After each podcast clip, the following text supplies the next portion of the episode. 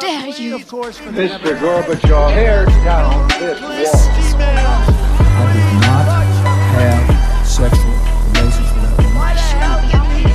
Read my lips. Hell yes, we're gonna take your AR-15. It's waking. I have a dream. Ja, Harald, du har jo ehm, Vi har jo nå akkurat spilt inn en episode i England, for du har jo eh, klart å lure deg over eh, til, til det store utland. Det var, det, var det spesielt? Det var vel eh, å fly igjen og, og alt dette her til utlandet? Er Føles det bra? Ja, det, det var litt spesielt. Um, det, var, det er um, første gangen jeg reiser sånn ordentlig til, til utlandet etter pandemien. Så um, da er det jo egentlig ikke så veldig mange andre bedre steder å reise enn til, uh, til England. Men Så- eh, fortell, fortell lytterne våre hva du egentlig gjør i England, for du, du skal vel ikke se på fotballkamp? Eh, nei, det er ikke, ikke fotball uh, Det er ikke fotballtur. Uh, jeg har vært et par dager i, i Cambridge, Matt, som vi nettopp spilte inn en episode av podkasten om Ukraine, eh, Ukraina med, er ved universitetet i Cambridge, det studieåret her. Eh, Så har vært der et, et par dager, eh, og også hatt eh, såkalt high table eh, lunch, som var et ganske interessant eh, ritual. Eh, og så Ja, men sånn må det være når store gjester fra HJØ eh, kommer til Cambridge. Ja, jeg forventer ikke noe mindre. Nei. Eh, det var en ganske interessant eh, seanse, for da satt vi på et eh, bord, et høyt bord, altså et bord som var på døren, en, ja, 20-30 cm og høyere enn de andre bordene, altså på en plattform. Eh, og der var det bare fellows eh, fra colleget og gjester som fikk lov til å sitte. Hva sa du? Ja, det er kaksene som eh, Ja, ja, eh, absolutt. Og der satt vi jo liksom så ned på de andre vanlige studentene, da, som satt på gulvet, hadde jeg nær sagt. Eh, så, det, så det var litt spesielt. Eh, men nå i dag så er vi tilbake i, eh, i York. Eh, og vi har, mm, eh, når jeg er her, så har vi, eh, har vi også jobba med et, en artikkel som vi som jeg har skrevet sammen, og som vi sendte inn til, til vurdering til et tidsskrift i, i går ettermiddag. Så um, det er noe av bakgrunnen for En å produktiv tur. her. Eh, ja, absolutt. Vi fikk gjort en del, så det blir spennende å se hva som skjer med, med den artikkelen som, uh, som vi sendte inn. jo ikke, Denne episoden her skal jo ikke være så, så fryktelig lang, men eh, ettersom du er i utlandet, og vi kjører på en måte denne, disse internasjonale, internasjonale sendingene våre, så tenkte jeg at hva bedre enn å snakke om norske forhold? Nettopp. Men fordi ah, Og dette er jo verdt for oss å snakke om. altså Det skjer jo mye i uh, skjer jo mye i Ukraina. Det er jo det, det som tar opp det mesteparten av oppmerksomheten og energien, og det er jo fullt forståelig. Eh, men eh, så den siste, I løpet av de, de, de siste dagene, de siste ukene, så har det jo utspilt seg litt drama i norsk politikk som eh, i, nå i går førte til, eller 2. mars, førte til at eh, arbeidsministeren Hadia Tajik gikk av.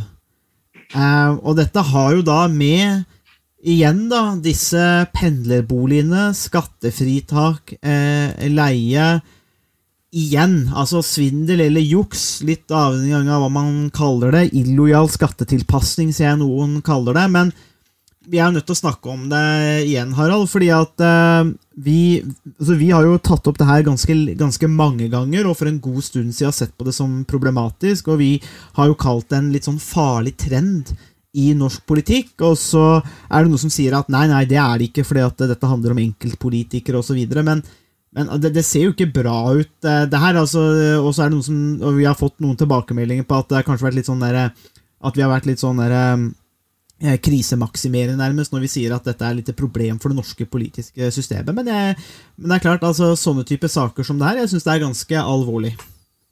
Ja, absolutt. Eh, og um, det understreker jo egentlig det, det vi har eh, snakket om tidligere i podkasten også. Eh, en slags ukultur. Og det er jo ikke det at alle disse um, hendelsene med pendlerboliger og andre ting nødvendigvis alltid er ulovlig, eh, sånn rent juridisk, men det er på en måte en en tilpasning og utnyttelse av systemet som, eh, som de aller fleste, fleste reagerer på. Og eh, vi, vi, har jo satt det her i en litt større sammenheng, hvor vi har sett på det her som en slags ukultur blant norske politikere.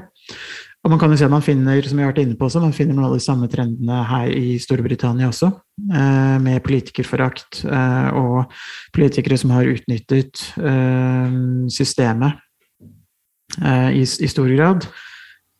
Så, der er jo en del av en litt, litt større trend. Så, og når vi får den saken nå med Hadia Tajik, så, så, understreker du egentlig det, det poenget vi, vi, hadde om at det her er en, en, slags utkultur. Og det, sakene til uh, Tajik går jo tilbake til uh, 2006 eller noe sånt, hvis jeg husker riktig. Så der har jo vært en del av en, uh, en ukultur som har bygd seg opp over tid også. Uh, og det er kanskje noe av det som gjør det alvorlig. Altså Ikke minst den der, da saken begynte å bli kjent, og så fikk man dette motangrepet til Tajik, hvor du også angrep Aftenposten for en, eh, for en, eh, en, en ufin tilnærming, pressa opp i hjørnet, litt sånn antydning om på en måte litt sånn maktmisbruk fra pressens side osv. Og det står seg fryktelig dårlig når man i etterkant ser at ja, men det var jo en feil som var begått. Uh, og det der Det blir liksom litt sånn ekstra, ekstra problematisk, da. Det gjør det, og den, den måten uh, Tajik gikk til, uh, til, angrep på pressen på, er veldig spesiell. og Det, det er noe man noen ganger ser når um, politikerne eller en part har en veldig dårlig uh, sak, så, så, går de på offensiven og tenker at angrep er det, det beste forsvar. Og det var en måte å avlede oppmerksomheten på rundt hovedsaken. Og det Tajiks eh, motangrep gikk på, var jo også delvis en annen sak enn det hun, uh, som gjorde at hun måtte, måtte gå av. og det, det, er jo også et ganske, um, ganske alvorlig en ganske alvorlig situasjon når en politiker bruker sin innflytelse til å, å forsvare seg på Eller å angripe eh, pressen og andre på den, eh, den måten. Mm. Eh, og, det er noe som vi ikke har sett så mange eksempler på i, uh, i norsk politikk. Uh, og det, det, er også noe som man kanskje kan håpe at man ikke vil se så mange eksempler på også. I, og så er det noe som vanlige folk ikke kan gjøre.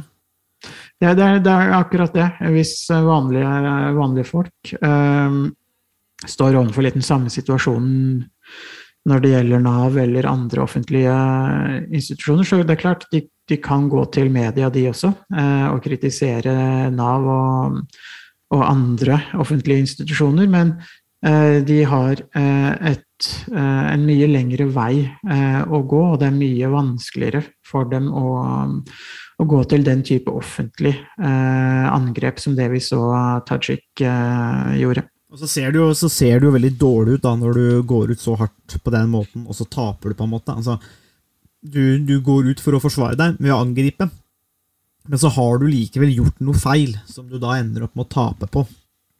Og da ser jo ja. situasjonen veldig tragisk ut, egentlig. Men, men igjen, altså jeg må si, eh, jeg blir jo ikke overraska. Eh, ikke sant? Altså, dessverre.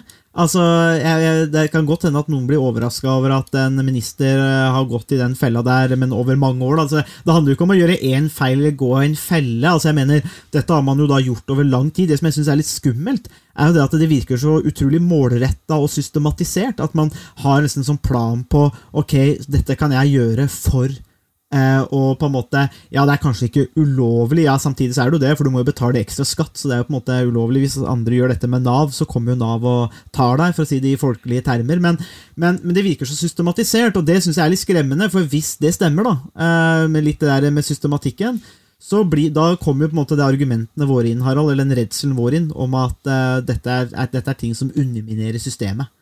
Uh, og det, ja, um, og det, det, gjør det helt klart, og det er jo også kanskje spesielt alvorlig i uh, Tajik sin sak, fordi uh, hun har jo også vært minister for alle de Nav-skandalene og sakene hvor folk faktisk ble uskyldig dømt uh, og måtte sone i fengsel. Uh, og det er ikke mange ukene siden hun var ute i mediene og sa at hun kunne ikke love noe til mange av de som var ofre for den såkalte Nav-skandalen.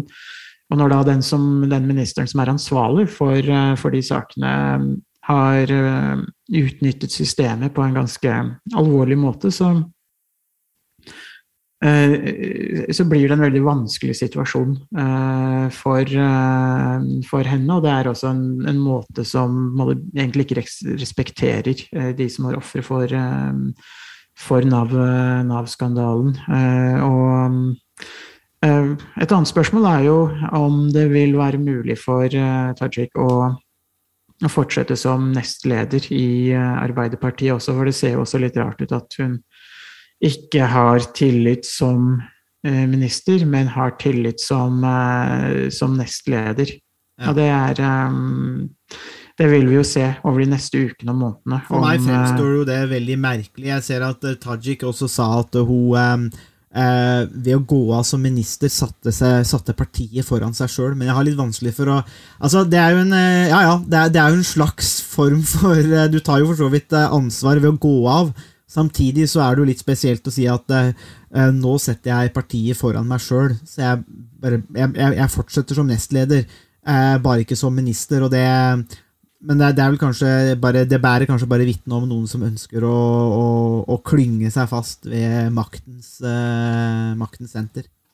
Ja, det er, det er, jo helt tydelig at hun ønsker å fortsette som, uh, som politiker og være en ledende politiker i, um, i Arbeiderpartiet. og det, det, er jo i og for seg helt legitimt å ha den, mm, ha den ambisjonen, men uh, for å kunne være i en posisjon som, som nestleder, så må man også ha nødvendig tillit. Eh, og det er også den tilliten som hun har eh, det er på en måte den samme tilliten hun skulle hatt som eh, minister, som hun også egentlig skal ha som, som nestleder. og det er, det er, vanskelig å skille de, de, rollene. og Hvis du ikke har tillit som det ene, så er det vanskelig å se at du har tillit som i den andre posisjonen. og Det er det som gjør det litt, egentlig litt uholdbart. og Det er også interessant at